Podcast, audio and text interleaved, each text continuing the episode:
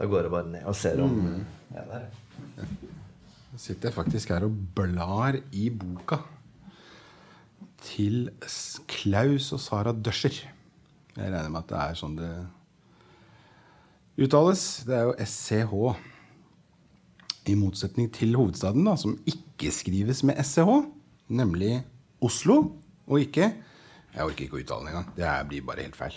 Så her er det da vin til biff med bearnés. Det tenkte jeg, det liker jo jeg. Bordeaux står det, eller Rioja. Fet saus trygler om en vin med friskhet. Ja, det er vel det. Fårikål den hopper jeg glatt over. Gammelsalta sau, det spiser jeg ikke. Nå er klokken slagen, så nå sitter jeg egentlig bare og venter. Så nå er vi, faktisk lurt meg med langt inne på Jeg ser ut nå, så ser jeg industripiper og gamle murbygg og alt mulig, så jeg, er jo clueless på hvor jeg er, vet du. Men eh, jeg er vel i nærheten av Grünerløkka, tenker jeg. Jeg syns jeg så Markveien borti her da vi Jeg har aldri vært her. Og masse sånn eh, Hva heter det når de gjør og maler på murveggen? Disse her eh, småtassene. De kommer i malingsboks. Og så maler jeg på murveggen. Se, det er en fin murvegg. Den maler vi på. Hva heter det for noe? Uh, tagging. Tagging, ja. Det var det masse av. Så der. Hei. Er det piloten? Sara? Veldig hyggelig. Ja, mann nøye. Det er så godt å kunne ta folk i hånden. Ja, altså. hyggelig. Heter jeg. I alle dager, her har dere gjort eh, Jeg hadde jo med boken til dere, da. Og jeg ser at jeg skulle tatt med den siste og fjerde boka mi, som dere da ikke har. Det er den derre 100 101. 101 spørsmål. Du har hengt deg opp i 101. Du, altså Det var helt uh, pussig. Det var ikke noe jeg hang opp i, egentlig. Nei. Men det var rett før den forrige boken, da den spørsmålsboka skulle gå i trykk. Så sto det 100 på forsiden. Mm. Og så rett før liksom vi sendte i trykk, sa jeg er det ikke bare dritkjedelig at det står 100? Fordi 100 er så rundt. Ja. Og så bare gjorde vi det om til 101. Og så hadde jeg et ekstra spørsmål på Så da ble det 101 hvitviner og rødviner og Og dalmatiner og ja.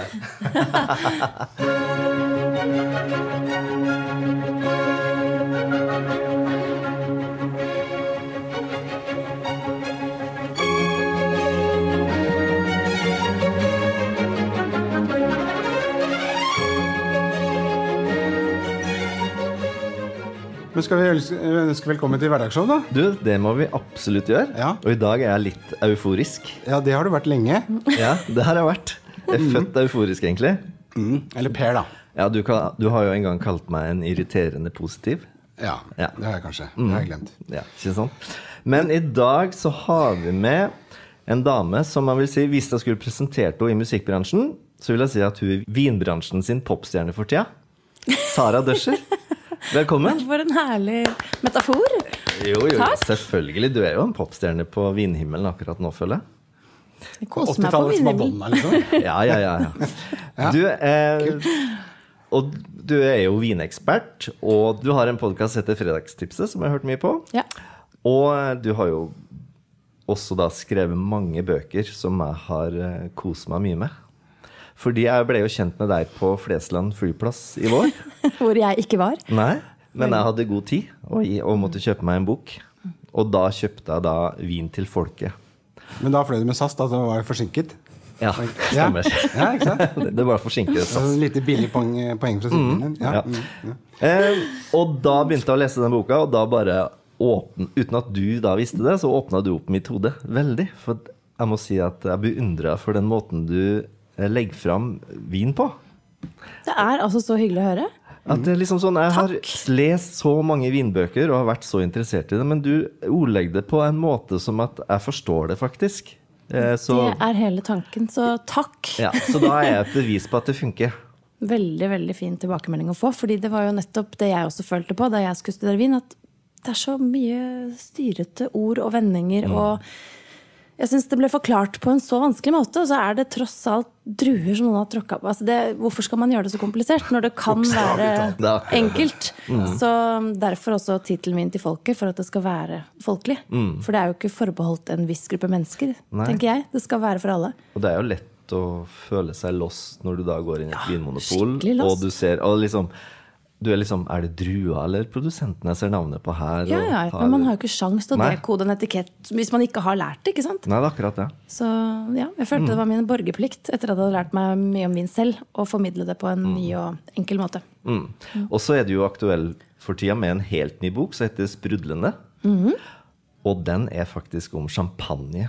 Ja, ikke bare, men om alle de musserende Ja, vintypene som fins på markedet. ja. Men Mm. selvfølgelig også om champagne.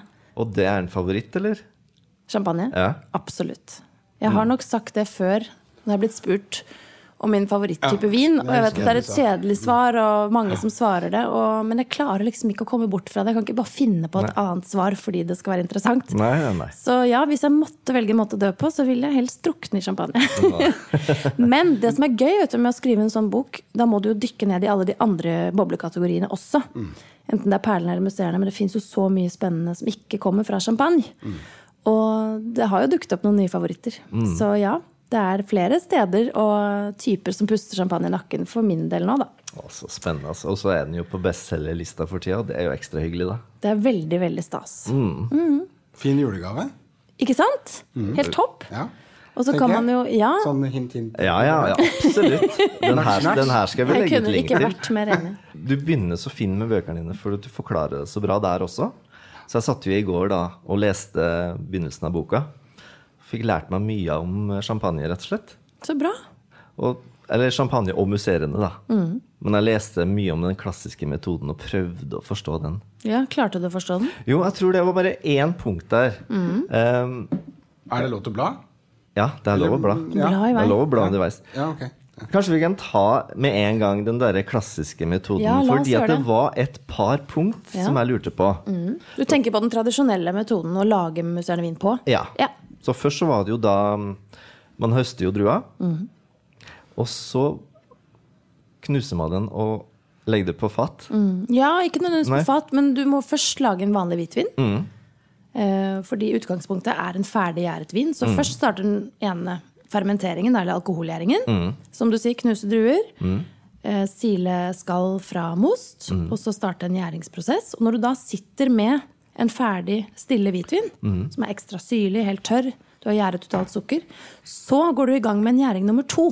Og det er jo helt øh, ja, helt eh, ekstraordinært i forhold til vinmaking generelt. fordi det er jo bare én gjæring på vanlig vin. Ja. Så for å få boblene, så er du nødt til å starte en ny fermentering. Fordi når du fermenterer noe, så oppstår det ikke bare alkohol, men også CO2, karbondioksid. Og idet du da gjør det på en lukket beholder, enten det er seg en tank eller en flaske, og i dette tilfellet her klassisk metode, eller champagnemetode, tradisjonell metode, så foregår det i en flaske med kork på. Ja. Og da får du CO2, bobler. Og da begynner jo det veldig spennende med det bunnslammet. Ja, bunnfall. Bunnfall. Fordi ja, Man kan godt si slam, men det er veldig negativt ladet, syns jeg. Ja, det, blir ikke like delikat, kanskje? Nei, ja, men det er jo, du er jo inne på noe. Det er jo faktisk et slags slam, for det legger seg bare på bunnen av flasken. Men det lyder liksom litt uh, ja, det er mer appetittlig kanskje med bunnfall. Flasken står, ja. Men er veldig mange flasker ligger jo. Men så kommer jo det, det som jeg syns var ekstra morsomt. Ja. Hvordan man får det her ut av flaska. Ja, Og det er ikke bare morsomt, men det er jo helt crazy.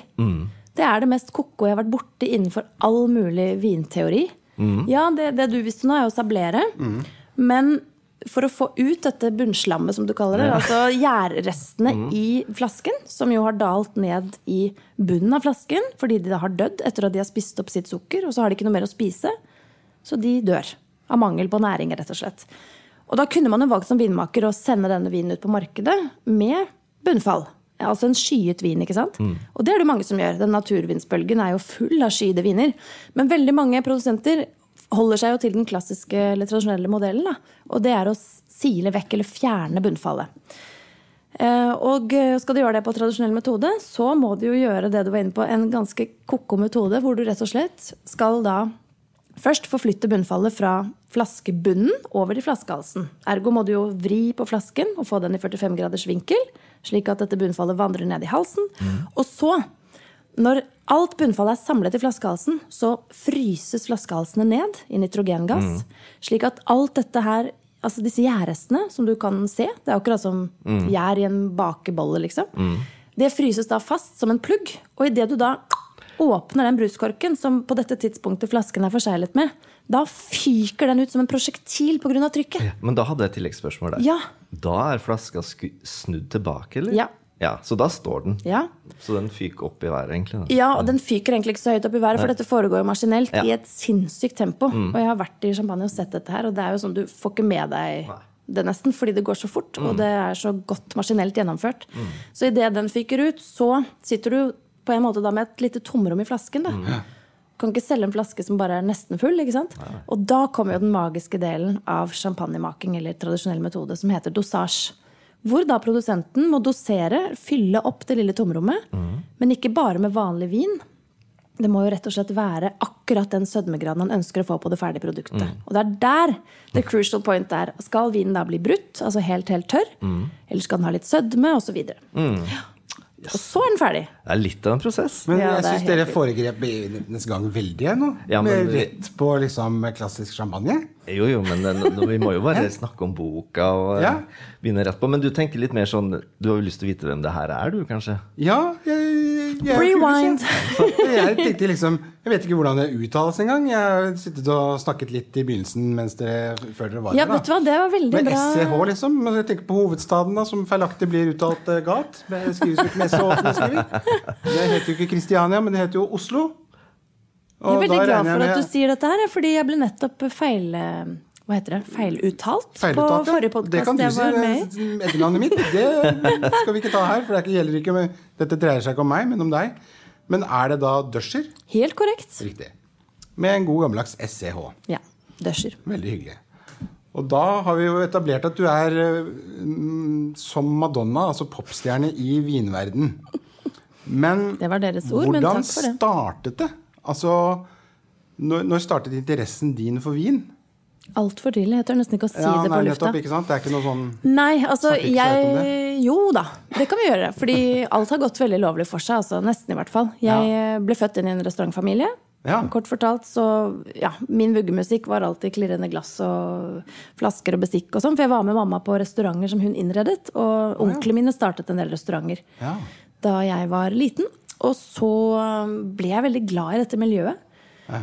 Og var veldig mye på restaurant. Eh, ikke fordi vi satt og spiste, men fordi vi alltid var med og henge opp lamper og og Ja, ja. liksom eh, se på menyer. Og pappaen min hjalp seg litt med design, han var grafisk designer, så alle var liksom med. Ja. Eh, og da, da jeg ble 13 år gammel, så skjønte jeg at hmm, nå kan jeg vel begynne å tjene mine egne penger snart. Og visste at eh, på disse restaurantene så var det noen litt yngre folk som fikk lov til å jobbe. Så jeg maste og maste og maste helt til jeg fikk lov. Og de kalte det barnearbeid, men sa greit, Sara, du får lov. Du kan begynne å rime frysere. Så jeg startet min karriere i restaurantbransjen som en sånn um... Avrimer? Navrimer. Ja. Veldig, veldig eksklusivt. Ja. Og fikk klatre i gradene. Fikk lov til å skjære opp frossen kylling på bakrommet med kokkene. Grovkjøkkenet. Blir den skåret opp i frossen tilstand? Ja, den ble det der. Altså halvfrossen? Eller? Veldig pussig, egentlig, når okay. du spør om det. Men jeg husker det så godt, for jeg hadde neglesprett hele tiden. Ja. Så, nei, og så etter hvert så fikk jeg lov til å begynne å tappe øl. Da var jeg 18. Og så kom liksom store breaking point, for jeg ble ansatt på Druen mat- og vinstue, som lå på Aker Brygge. Ja. Den fins ikke lenger. Nå er det Asia. Men i hvert fall fikk jeg lov å begynne der og servere vin. Og da var det jo noen vinimportører som kom for å levere vin til druen. Ja, helt riktig. ja, ja, ja. Helt ved fergeleiet der. Ja, ja, ja. Det husker jeg jo. Og da hadde jeg min første vinsmaking der med, med alle de ansatte. Vi ble liksom lært opp i vin da, for å kunne fortelle til gjestene hva vi solgte. Nettopp. Og da hadde vi en sånn vinflight foran oss med tre-fire glass og fikk smake og prøve. Hva for noe, sa du? En vinflight. Nettopp. Det er et av de toskete ordene som jeg tenker Hvorfor i alle dager? Vi vi er ikke ute og flyr. Og det skriver jeg også med den boken. En vin er tørr, men den er jo pokkeren meg våt, så hvorfor skal vi kalle den tørr? Altså Det er så mye rare ord. Ja, akkurat. Og en flight det er rett og slett bare en rekke av vinglass som du skal smake på sensorisk. Morten har litt problemer med flight, og både i golf Har du flyskrekk? og- Nei. Nei, eh, det, det har jeg ikke. Vinskrekk. Han har et, han har et sær er forhold til ordet flight, med Men- at tjene flyver. Ja, for at, språkbruk. selvfølgelig. At vi har da stjålet begrepet som flight. Ja, Jeg men vi går beklager videre. Vi på lar det ligge. vinens Vi lar det vegne. ligge. Ja. Du, fikk en, eh, du, du fikk en flight med vin, altså flere, et lite brett med vin. Ja. Så skulle du smake. Ja. Ja. Og da fikk jeg en sånn fantastisk opplevelse. for jeg bare kjente at wow!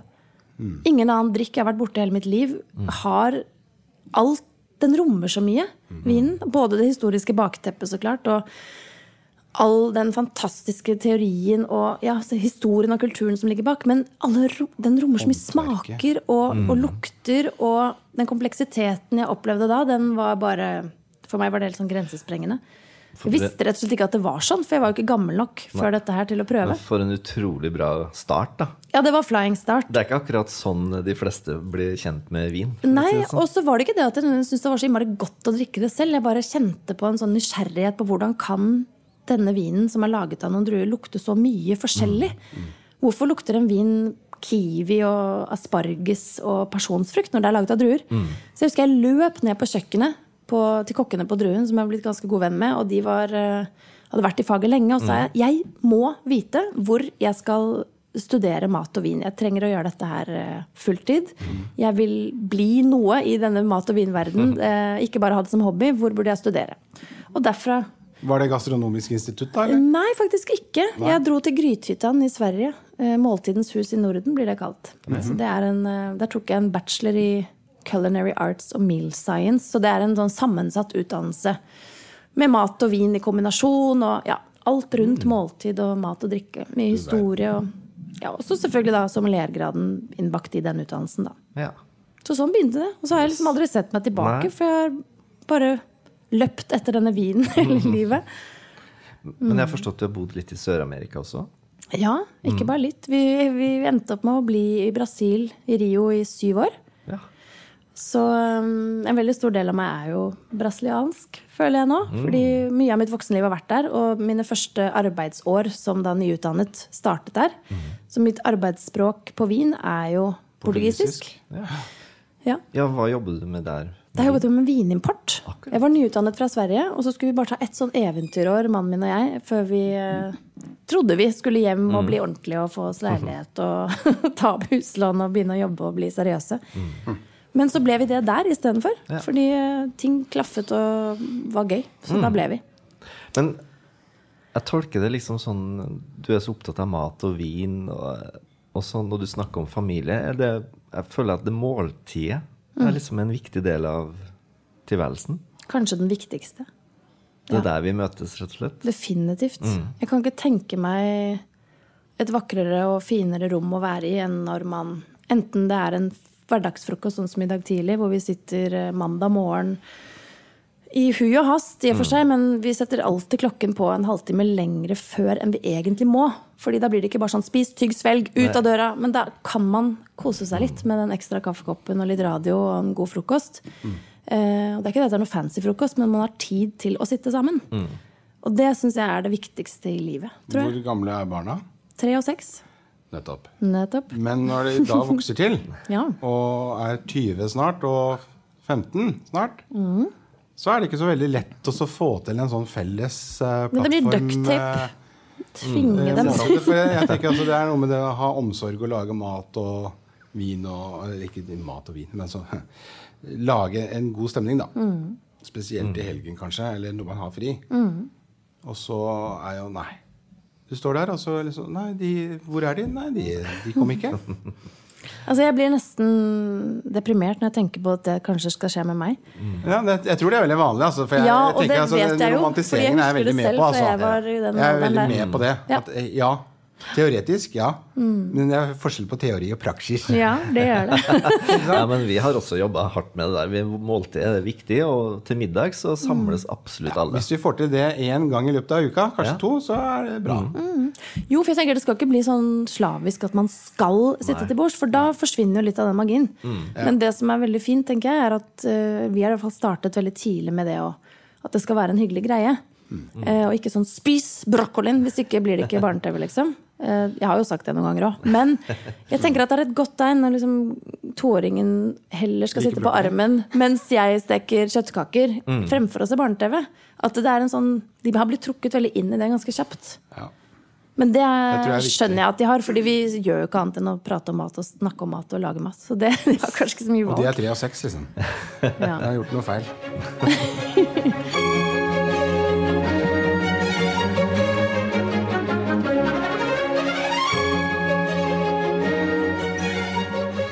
Jeg er litt nysgjerrig på det med gamle viner. og lagring og åssen det smaker med gammel vin. Og først og fremst lurer jeg på hva er den eldste vinen du har smakt? Oi, oi, oi. Det var et sabla godt spørsmål. Og det burde jeg jo huske. Jeg husker veldig, veldig godt en middag eh, som jeg skulle servere på. En privat middag i Oslo. For noen altfor rike personer som eh, skulle ha hjelp med å åpne gamle flasker og servere til en sånn eh, vinklubb. da. Og da måtte jeg heldigvis kontrollere at alle disse vinene var, eh, ikke var defekte. ikke sant? Og smake litt på alle. Og det var en fantastisk Bordeaux der fra 1901. Jeg Oi. tror det er det eldste jeg har vært borti. Jeg tror det. Ja. Jeg kan ikke komme på noe annet. Men det mm, Hvis jeg skal prøve å forklare hva det er Men er ikke, Sara, er ikke de over the top, da? Altså, det må jo være dato, noen, eh, noen viner som jeg, jeg forstår jo det at det er noen viner som du kan lagre nesten veldig lenge. Men altså, vi snakker altså før første verdenskrig. Ikke sant? Hva er greia? Hvor lenge Hva er poenget, tenker du? Nei, ja, nå, ja, nå. Hva vil du fram til da? Nei, jeg, poenget mitt er Er det ikke snakk om at en vin har en topp, og Jo. så går den ned? Definitivt. Altså en sånn, nærmest en Jo. sånn parabelfunksjon? Jo, absolutt. Og nå er du inne på noe viktig, fordi det handler jo ikke på noen som helst måte om å drikke en vin som er eldst mulig. For det ønsker man jo ikke. Altså, det er det verste en vinmaker kan tenke seg, at du skal vente til hans vin har vært på topp, og så venter du ti år til, og så åpner du den opp. Da vil han gråte, ikke sant? Fordi hans ønske er jo at man da skal behandle vinen med respekt og vite nøyaktig når er det beste drikkevinet. Når er den på topp? Og det er jo vanskelig, for det står jo ikke noe sånn dato når du skal Nei, den. ikke det sant? gjør ikke det. Nei, men nettopp derfor trenger dere å kjøpe mine bøker. fordi der setter jeg dere inn i hele tankegangen. For det er jo ikke en sånn fasitsvar på hver vin når den skal åpnes. Men det er en forståelse for drue, område, kvalitet osv. Fordi det er mange komponenter i en vin som med tiden eh, svekkes. Ikke sant? Syrenivået i en vin, friskheten i vin, det daler med tid. Frukten, altså type fruktkarakter, endrer seg. Og det er det som er så gøy med vin. For hadde den vært klin lik hele tiden, som en flaske whisky, for eksempel, så er det jo ikke noe vits å tenke på dette med årgang. Nei. Så det er jo det som er så innmari moro. Og jeg tror at den kvelden der hvor de åpnet en flaske fra 1901, så var ikke det fordi at de trodde den var på topp. De hadde altfor mye penger og kunne gjøre denne øvelsen og gledet seg til å se hvordan den oppførte seg. De hadde jo mange flasker av den, og de hadde prøvd den over mange år. Ikke sant? Og så åpnet de den for å se hvor godt hadde den holdt seg i da x antall årene den hadde levd. ikke sant? Så, men, men for å svare på spørsmålet ditt, så dette med eldre, eller eldret vin, eh, lagret vin, det handler om eh, helt andre smakskomponenter enn vinen har når den er fersk. Ok. Men det er ikke så mye mer komplisert enn det. Det er egentlig bare litt som å se på et vakkert, gammelt menneske som har fått uh, merker av livet og rynker. Jeg syns det ofte kan være mer interessant, da. Karakter. Ja, karakter. Ja, det blir karakter. mer eh, smak i munnen, rett og slett, eller? Ja, nei, ikke mer, men bare en annerledes smak. Ok. Se for deg at du har en helt fersk plomme foran deg. Eh, som er den ferske vinen, da. Fra årgang 19 eh, Eller fra årgang 2020, for eksempel. Og så har du den samme vinen, bare at den er eh, 20 år gammel. Ja. Og så smaker den mer av sviske. Altså, for å gjøre det veldig veldig enkelt, at det er bare litt mer tørket frukt. Litt lavere syre, den er litt rundere. Den har bare blitt litt uh, slepet og kjelt med av tidens tann. Da. Så den er ikke så powerful. Nei, ikke sant? For at Mm. Ofte så ser jeg for meg at når du smaker en gammel vin, så skal du bare få den fantastiske følelsen at du aldri smakt noe lignende. Oh, ja, nei, nei, sånn tenker jeg egentlig ikke på det. Og så handler det jo veldig om vinen har mulighet til å lagres, da. For det er ikke sånn at alle viner kan lagres og bli bedre. Nei, dessuten så må man jo ha lagringsforhold. Ja. Man bør jo helst ha adresse på Oslo vest, og så ha en vinkjeller, tenker jeg. Men jeg har adresse på Oslo vest og eier ikke vinkjeller. Og har aldri greid å spare mer enn tre flasker vin i hele mitt liv. Så det, jeg tror nok jeg er den mest vininteresserte personen jeg kjenner som ikke har riktig, vinskap. Ja. Det må Ja. lagres riktig. Ja, Hvis du skal lagre det over tid. Ja, Men hvis du kjøper en vin som du skal lagre ett år, så trenger ikke den å ligge i et vinskap. Nei. Men jeg bor ikke på Oslo vest, men jeg har vinskap. Ja, Ja, gratulerer.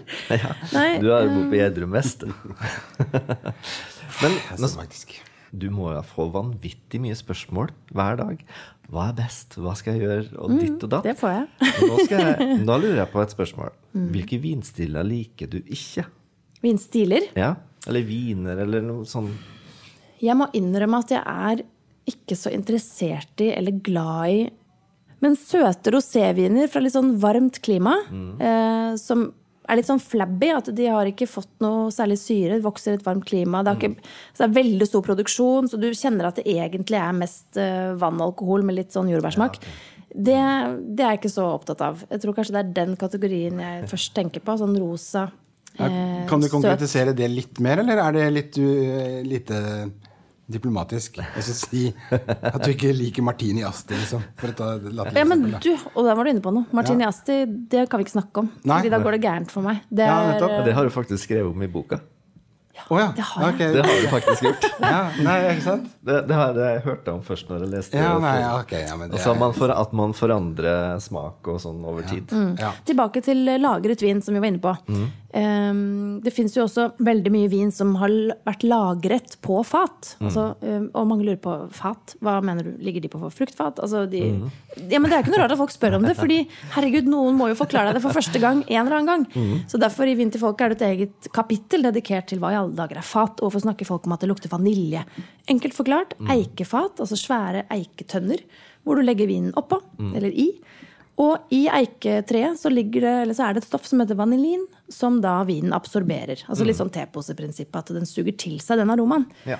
Og jeg syns jo at veldig mange vinprodusenter overeiker vinene sine.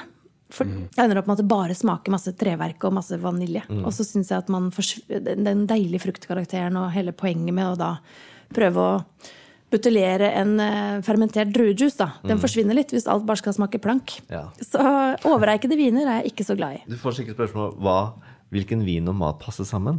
Ja, tro meg, det er det mange som spør. Men jeg vil gjerne da spørre spørsmål. Hvilken mat og vin passer ikke sammen? Bra spørsmål.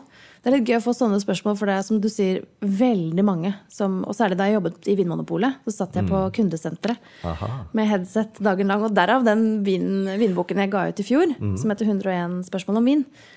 De, altså Folk har jo så mye herlige spørsmål, og det er dritgøy. Så den jobben der var jo helt Men seriøst, kan du ringe inn til polet og så spørre Du, jeg skal ha eh, Man kan. Ja, ja, ja.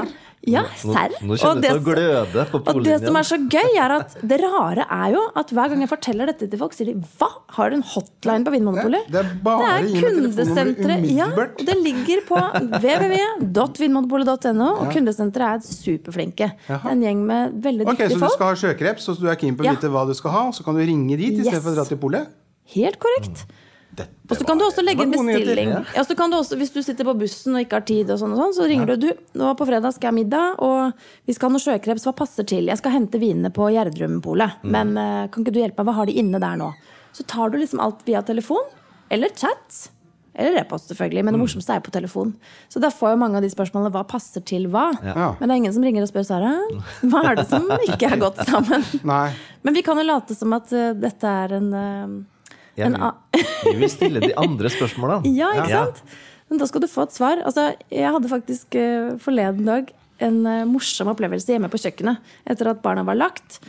Og så skulle vi lage oss noe kveldsmat, Klaus og jeg, min mann og jeg. Og så mm, hadde vi masse deilig spinat som vi dampet. Også noe grønnkål, tror jeg. Det er ikke så ofte vi driver og knasker grønnkål, men vi hadde nå en gang det, da. Det er sunt, i hvert fall. Det er i hvert fall sunt. Det var akkurat det. Og så, og som dere sikkert vet, så er jo særlig eh, altså disse ekstremt mørkegrønne bladene med masse klorofyll, de får en litt sånn bitter smak, særlig når de er varmebehandlet, som kan være veldig godt. Og hvis du da tillegger litt fløte og litt smør og kanskje noen pinnekjerner, så runder du liksom av det inntrykket av det bitre. Men hvis du da kliner til med en heftig rødvin oppå der, da forsterker du det bitre inntrykket som du i utgangspunktet vil bort ifra. Og vi var så kine på et glass vin den kvelden, så hadde vi jo ikke noe annet enn nettopp en sånn kraftig rødvin. Og fy flate! Og da husker jeg Klaus sa Nå skjønte jeg for første gang hva mat og vin i kombinasjon som virkelig ikke fungerer, hva det er for noe. For vi har jo skrevet den boken der sammen, som ligger her. Ja. Mat og vin til folket. Ja. Men det er jo bare vellykkede kombinasjoner. Er. Men maken til mislykka kombo. Jeg lurer på om det er den komboen som faktisk er mest vanlig, da. Mm. Syns jeg skal lage en bok som heter 52 forferdelige kombinasjoner? ja, det, det synes jeg du skal gjøre. Nei, Vi snakka litt om det at det er litt sånn som å, å, å være i læringssammenheng hvor læreren står og sier Men dette her trenger du ikke å kunne. Ja, Og det, du husker det alltid. Du husker det resten av livet. det er det du husker. Bang. Så hvis du liksom skriver liksom, Nei, dette må du ikke gjøre, så, så kan det være kanskje en vel vel så artig innfallsvinkel, da. Men Det er et godt poeng. um, ja, for det er veldig mange ting som på alle sånne forum og sånn, så er det sånn Å ja, den er så god, og den er supergod, og den er bla, bla, bla. Men det kommer aldri liksom Nei, vet du hva? Den her var ræva. Ja. Men det handler jo kanskje mer om at smak er subjektivt. Heldigvis. Ja. Fordi vi, uansett hvordan, hvor mye vi piper eller skriker, så kommer vi ikke bort ifra det. Og det her har jeg lyst til å ta litt tak i. Fordi at eh, jeg så en, eh, en TV-program for en del år siden på NRK som snakket om smaking. Og at det sitter en gjeng med stort sett bare damer ute på Landbrukshøgskolen på Ås. Oh, ja. Og så sitter de og smaker Smaker på hva? på produkter som skal selges. Å. Ja, Bare sånn kjapp eh, liten sånn birdwatch nå. Eh, birdwatch, det er en liten sånn Du sitter og ser på Fugleperspektiv. Fugle, nei, fugler i kikkert, ikke sant? og så plutselig så vush, så fuglen, ikke sant? Innskutt bisetning pleier du å kalle det. Det er en Ja. Ja. Se da, jeg snakket meg bort igjen. Ja, vær så god. Ja. Hvor var vi? Eh, dama i ski. eller Ja, ja, landbrukshøgskole. Ja, ja, ja. Og da, kom de, da startet de med å snakke om at du smaker forskjellig. Og alle har forskjellig antall smaksløker. Og damer generelt har mer smaksløker enn menn. Nei, men hvis, man, hvis jeg skal bare svare veldig kort på det. Ja. Sånn, det første jeg tenker på, er jo heldigvis, og takk og lov for det, så er jo smaken vår i konstant utvikling. Våre smaksløker, uansett om du er 12 år eller 90, så kjeder de seg veldig fort. Heldigvis. Hvis ikke hadde vi tre hver lunsj hele livet fra vi var to til vi ble 102, sittet og spist Toro tomatsuppe. ikke sant? Det er jo nitrist. Altså, da hadde vi blitt tilfredsstilt av den samme smaken. Da jeg var liten, smakte jeg på gulost og syntes det var ok. Etter hvert så gikk jeg liksom over til en eh, ja, Fra greddosten til eh, Mm. Og så vellagret jarlsberg. Og så etter hvert liksom turte jeg å våge meg inn på bri. Og så eh, kjenner du at du Du tenker ikke over at smaksløkene kjeder deg. Det er bare at du får lyst på noe mer. Og vi er nysgjerrige, og det er veldig bra. Ja. Fordi hvis ikke så hadde jo vårt kjøleskap vært klin likt. Men der, der det kommer inn i bildet dette med å være en familie. Det er ganske komplisert av og til. Fordi jeg elsker også chili i mat. Jeg kan nesten ikke få det sterkt nok sånn som med deg. Men da må man jo nesten lage tre ulike middager, og det funker jo ikke. Så Nei, da må man jo ha det, mye gøye ting på bordet som man kan ta på Ja, maten sin. det er blitt sånn. Men man sant? utvikler jo smaken sin, og sånn er det jo med vin òg. Jeg elsket jo de søte, enkle, gode, fruktige proseccoene da jeg startet min karriere i vin. Og syntes det var topp. For det var nytt for meg. Og jeg syns champagnene var altfor hva i alle dager? Det smaker jo bakst og boller og brød og gjær og maken til tull. Skjønte ikke poenget med det, og i hvert fall ikke når det skulle koste 400 kroner. Jeg kunne få fire flasker Prosecco for samme prisen. Men etter hvert hmm, så begynte smaksløkene mine jommen seg å kjede seg litt, så det gikk jeg over til cava. Så drakk jeg det litt. Grann, og, så, og takk Gud for at det er sånn, da. Absolutt. Hvis ikke hadde vært veldig kjedelig. Og sånn er det jo med musikk også. Vi hører jo ikke nå så mye på Postman Pat lenger, i hvert fall ikke jeg, som man gjorde kanskje man var tre. Så det er litt sånn Og sånn er det med alt. Syns det kanskje høres ut som mine smaksløker kjeder seg litt i forhold til dine, knubber Bjørnar? Ja, Tør kun på klassisk og bare drikker Ås, liksom? Ja, ikke sant? Jeg tror eh, Du er litt, nok mer litt sånn utfordrende på smaksløkene. Det er jo derfor jeg har dratt altså. dratt deg med på podkasten, Morten. Ja. For at du skal oppleve verden utafor din lille boble. Smaksløkene mine skal få en utfordring.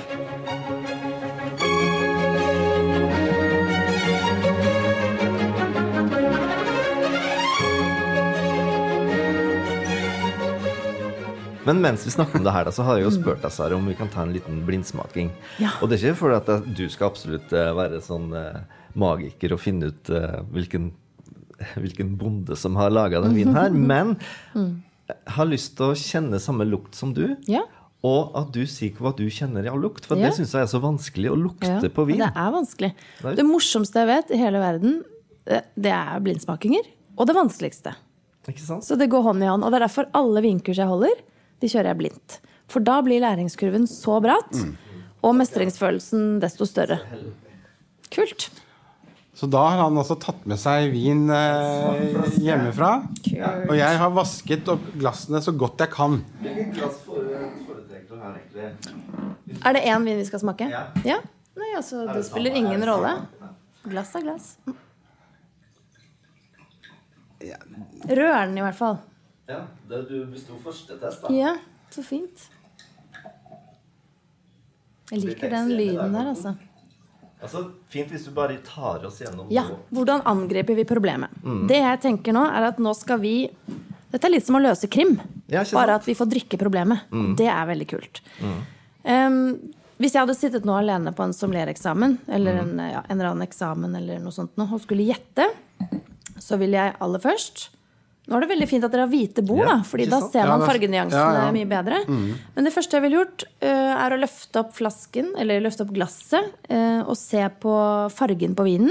Sånn 45 graders vinkel, det er ikke så nøye, men bare for å um, se litt på fargenyansene her. For hadde vi nå hatt tre forskjellige viner, så ville vi uansett hvor uh, de vinene var fra, så ville vi klart å se fargenyanser. Ja. Nå har vi bare én vin, og det er det jeg pleier å si på mine kurs. at Litt sånn, Hvor stor er en fisk? Altså, du, det aner du ikke noe om før du har en referanse.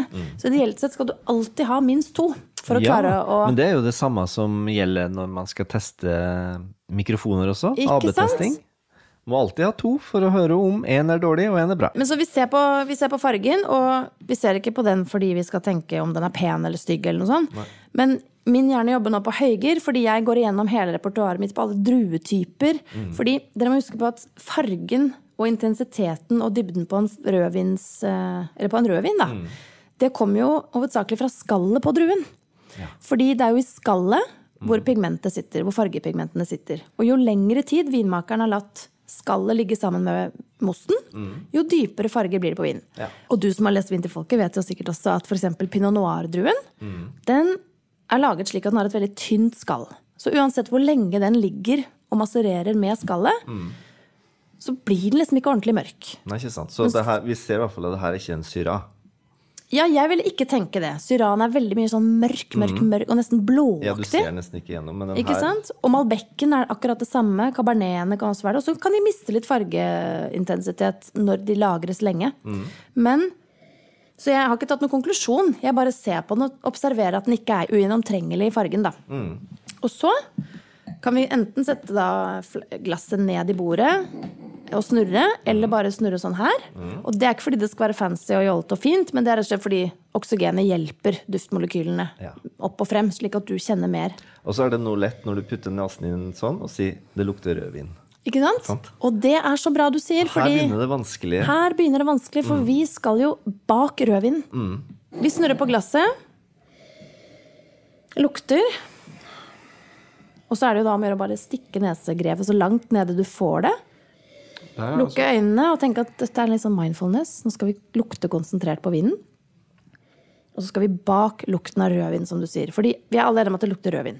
Og det er så forbaska irriterende, fordi det er jo det alle kjenner. Det lukter rødvin, men hva mer lukter det? Og så tenker jeg umiddelbart Vi snakket jo i stad om fat. Sant? Lukten av vanilje. Det første jeg tenker er at Dette er ikke en overeiket vin som lukter masse fat. Og den stikker ikke i nesen, så jeg tenker heller ikke at den har kjempehøy alkohol. Altså Den er ganske sånn behagelig å lukte på. Jeg syns den er tiltalende på duften. Jeg har lyst til å ta en slurk av den. Jeg syns den lukter mye sånn rød bær. Hvis jeg lukker øynene nå, konsentrerer meg og lukter syns jeg den lukter modne, sånn sødmefulle, gode bringebær. Kirsebær. Rød frukt, rød bærfrukt. Er du med meg da, eller tenker Ja. du nå bla, bla seg i hop? Jeg har aldri luktet på et kirsebær. Nei, men altså, jo. Så du tar vi et kirsebær, så spiser Jo, men, du det. ja, men du, spi på det. jo, men du spiser det. Ja. Men hvis ikke du hadde hatt luktesans, så hadde du ikke smakt kirsebær. Så du vet jo hva kirsebær smaker, ikke sant? Ja. Men rødbær. Rødbær. Men så kan det godt hende at det er en touch av eik her. For det er et eller annet sånn krydder eller urtete preg her også, syns jeg. Men jeg syns ikke den lukter så veldig mye heller. Den er ikke sånn at den hopper ut av glasset.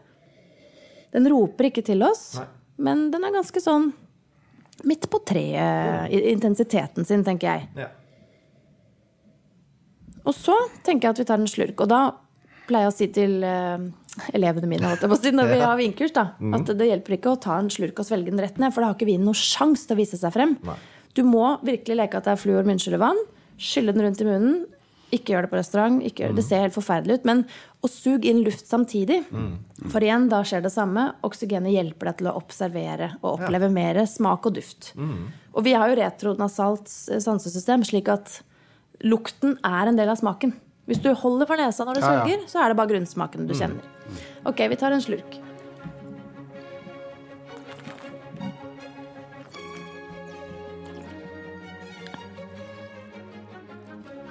Jeg vil at dere åpner munnene etter dere har svelget, og kjenner hvor mye spyttproduksjon som, som uh, produseres. Eller hvor mye spytt som Mye. kommer. For deg, i hvert fall. Hva er den indikasjonen på, tror dere? Tannin? Nei, tvert Nei. imot. Ok. Tannin er tørker ut.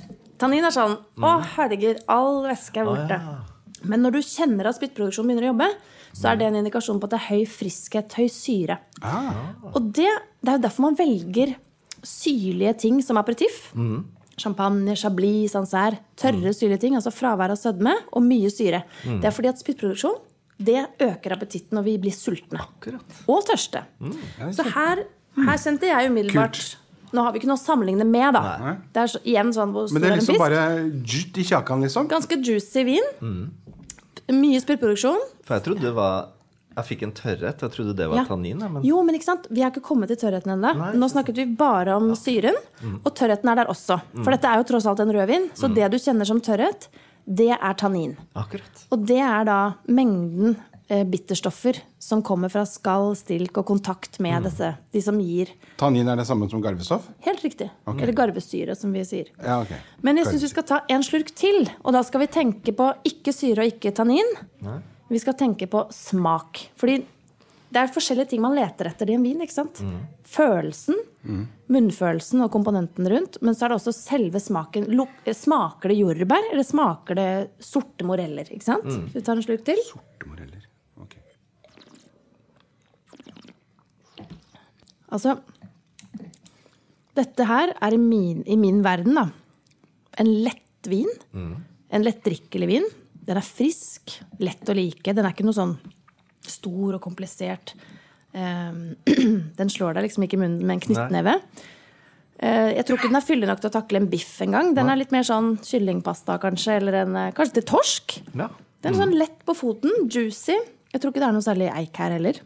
Jeg får litt sånn marsipan, mandel Å, Oh, kult! Vet du, det, vet du hva det kan være en indikator på? Nei, det vet jeg ikke. Det er veldig artig at du sier fordi den lille tørrheten eh, Jeg får også litt sånn touch av mandel. Ja. Og mandel og tomat eh, er, og kirsebær, som jeg syns den her smaker litt av, det er erketypiske karaktertrekk for Sangiovese-druen, som er den klassiske druen i Toskana. Så kanskje er vi Toskana, altså Italia, den klassiske vinregionen der. Jeg, får også, jeg fikk også sånne italienske vibber med en gang. Tenkte sånn, hm, Er det en Valpolicella? En Barbera? Men det kan også være en juicy pinot noir fra New Zealand. Altså det er veldig... Jeg tror heller ikke at det er noen stor vin som er kjempedyr, fordi den er ganske sånn kort. Altså den, den setter seg ikke lenge. og du sitter er ikke og... Jeg skjønner hva du Ja. mener når du sier det. Den faktisk. fader ut ganske kjapt, da. Men det bra med den er at du Jeg får i hvert fall lyst på en slurk til. Det er ikke sånn 'Å, ellers takk'. Nei, ikke sant. Så um, Drinkable? en ung, Drinkable. men den er ung, tenker jeg. Ung, lett, frisk sak. Ukomplisert vin. Lett å like-sak. Og hvis du skal gjette Og jeg har så lyst til å være med deg på den eh, mandelen. Nei, altså jeg, ja, som sagt, jeg, eh, jeg, fikk, jeg fikk den med en gang på det første, første uh, sluken. Eller- Så var det liksom bare Så var det litt sånn som uh, Jeg må bare si noe sånn teit som jeg tenker på, jeg. Mm. Det er jo min uh, spesialitet. Det fins en sånn limstift Pelefix. som, ja, som lukter Marsipan. Man, marsipan. Jeg elsket det. Og vet du hva? Og Jeg den er spiste sånn det da jeg var liten. Du hadde den på skolen, og så tenkte jeg, Jeg mm, og den der lukter Jeg har lyst til å spise den. Jeg vet, Og så spiste den, og så var jeg mm, mm, Nei. Men jeg fikk litt den der Jeg fikk litt den der med en gang jeg tok den første sluken, så fikk jeg den. Pelefix. Nei, så artig. Uh, jeg, altså, Nei, dette her kan være Den er på en måte såpass generell i stilen at jeg syns det er veldig veldig, veldig vanskelig å pinpointe hva det kan være. Men jeg tenker at vi er i Europa. Det kan godt hende at vi er helt feil. Så, men en sånn uh, italiener på Sangiovese-druen, kanskje? I don't know. Vi er i hvert fall ved Middelhavet. Okay. Og så vi er i et land som jeg har hørt at du liker veldig godt. Vinatprøve. Portugal? Nei, litt lenger eh, øst. Hellas. Hellas. Oi, oi, oi. Det er er det Sinomauro? Ja, Oi, Sinomauro, oi, oi, drua. Det er Sinomauro. Du, å, dette her er jo så godt. Men du, så gøy at du sa det med mandel, for det er en veldig typisk eh, karakter for eh, denne druen. Jeg elsker jo de greske Du, vinene. Morten, du er et geni, du. Å, det er en så god vin! Tenk at det var den! veldig tøft. Vet du hva? Dette er en av mine yndlingsviner. Seriøst? Ja, altså sånn husvin. Jeg kjøper den ofte. Og liker den veldig veldig godt. Så jeg er nesten litt skuffet over at ikke jeg bare nailet den, for den har jeg drukket mange ganger. Ja, for jeg har hørt det, så det var derfor jeg tok det. Men det, er vel, det viser jo hvor vanskelig ja, det det er også å ha en sånn blindtest. Da, Sara, Ja, men jeg, vet dere hva som hadde vært- Mm. Hellstrøm liksom, som tar isoporglass, isoporglass, og så sier han bind for øynene, og så Ja, du skal rød eller hvit? Mm. Og så går han på en smell selv. Ja, ja, ja. Jeg har gått på så mye smeller selv, jeg. Det er jo helt vilt. Det er jo kjempevanskelig. Men vi hadde hatt veldig mye mer glede av eh, hvis vi hadde hatt to viner ved siden av hverandre. Fordi da kunne vi begynne å sammenligne. For da kjenner du Ja. plutselig Å ja. Å ja, nå kjenner jeg at Der er det jordbær, men der er lakris. Altså, det er. Ja, det er veldig, veldig gøy, altså. Ja, det er skikkelig gøy. Men dette var gøy, da.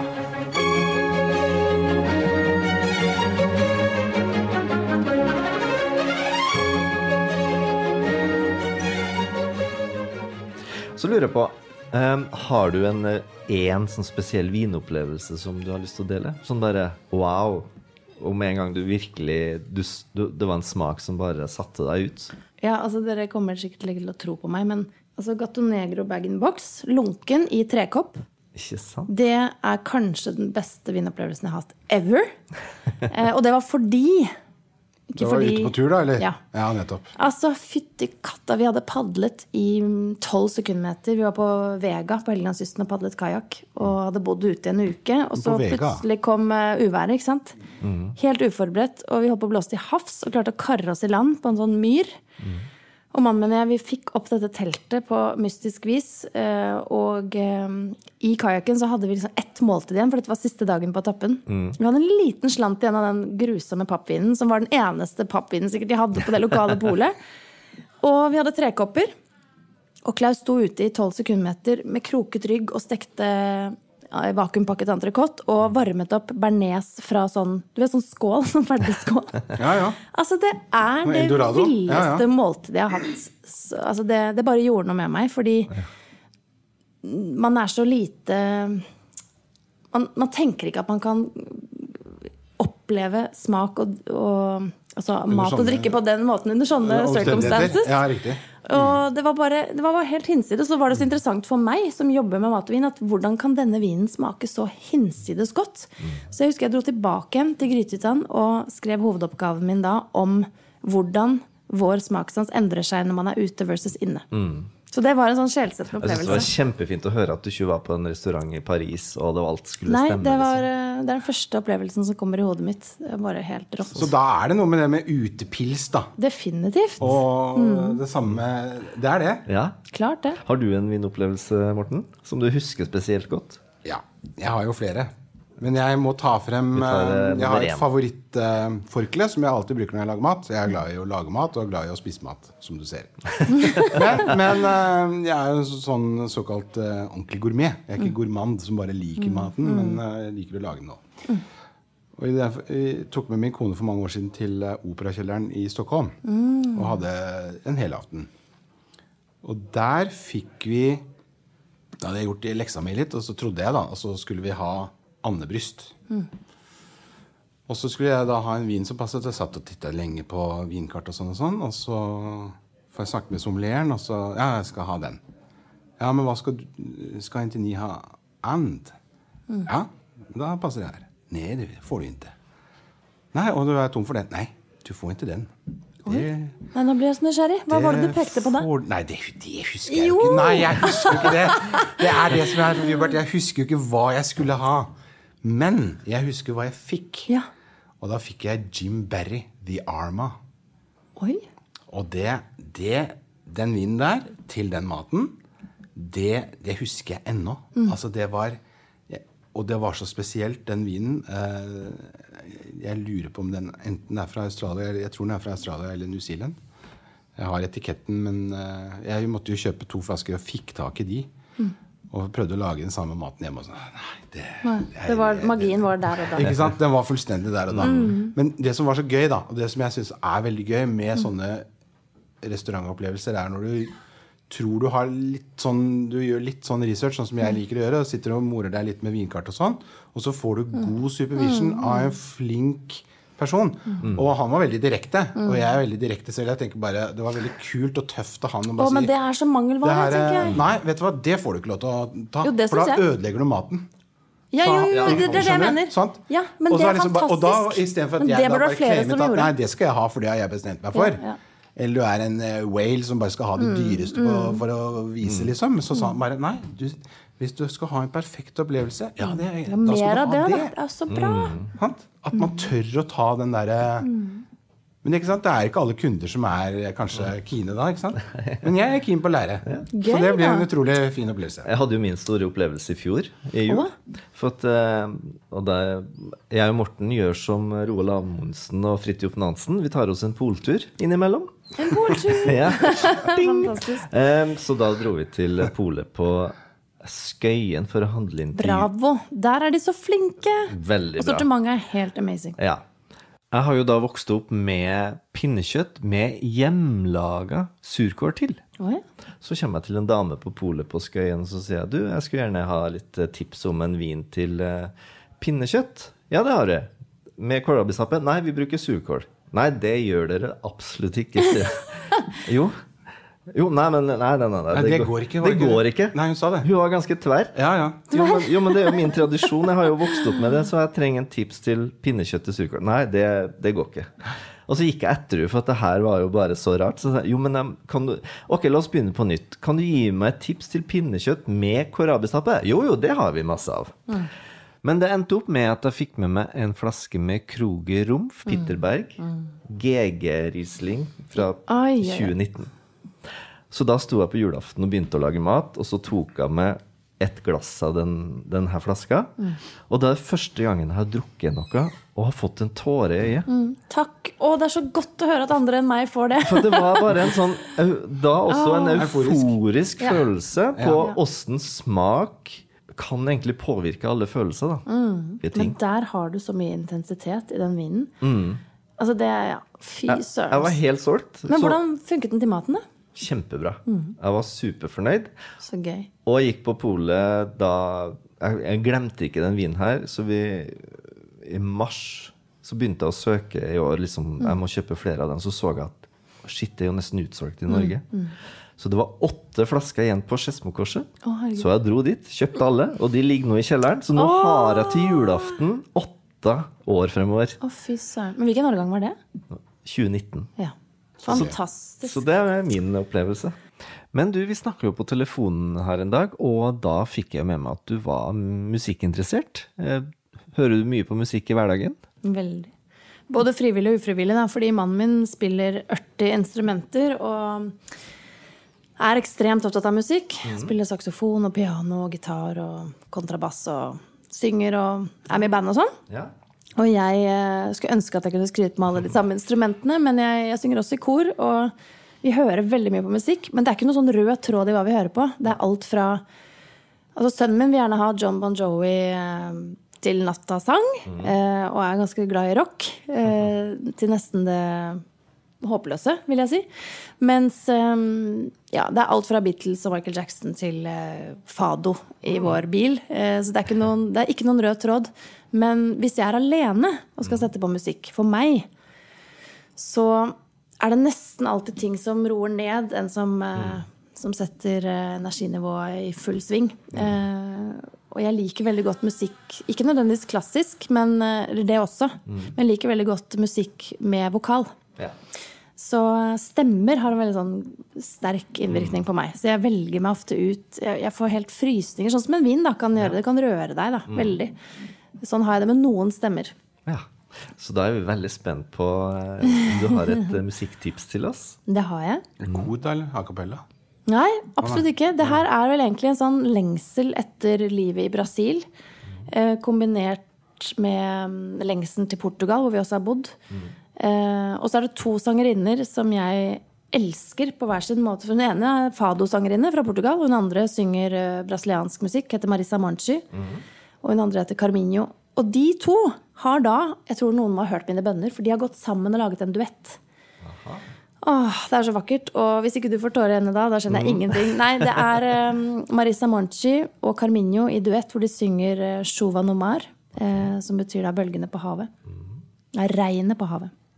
Men uansett, en låt som eh, jeg tror jeg har hørt på den en million ganger. Den er bare nydelig, og eh, den gir alt jeg trenger når jeg lengter etter både Brasil og Portugal. Ja. Den gleder vi oss til å høre, og den skal vi da linke på Facebook-sida vår, Hverdagsshow. Og så kan alle lytterne få ta del i det. Du, Den gleder vi meg til å høre. Det altså. blir spennende. Ja, absolutt. Det er jo ikke sikkert det er up your alley, men for meg er det definisjonen på en sånn veldig behagelig lengsel til eh, Og så tenkte jeg at vi må jo ha en gave til deg for at du var med oss i dag. Og nå er, nå er, da bryr vi oss ikke så hardt om om dere har vinylspillere eller ei.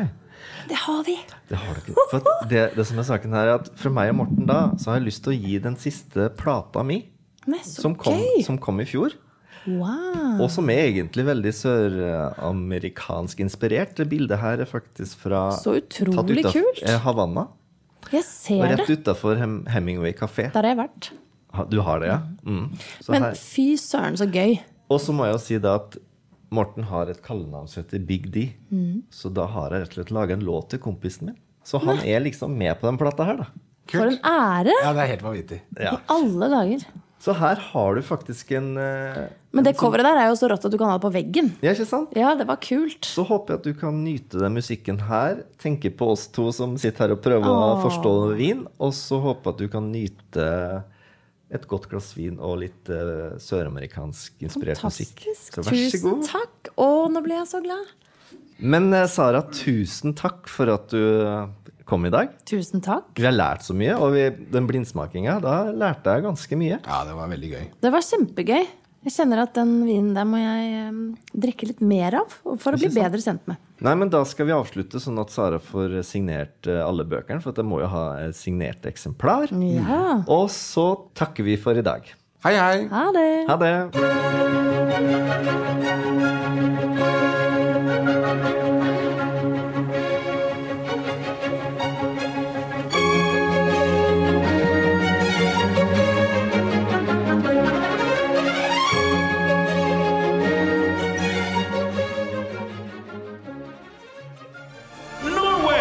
Media.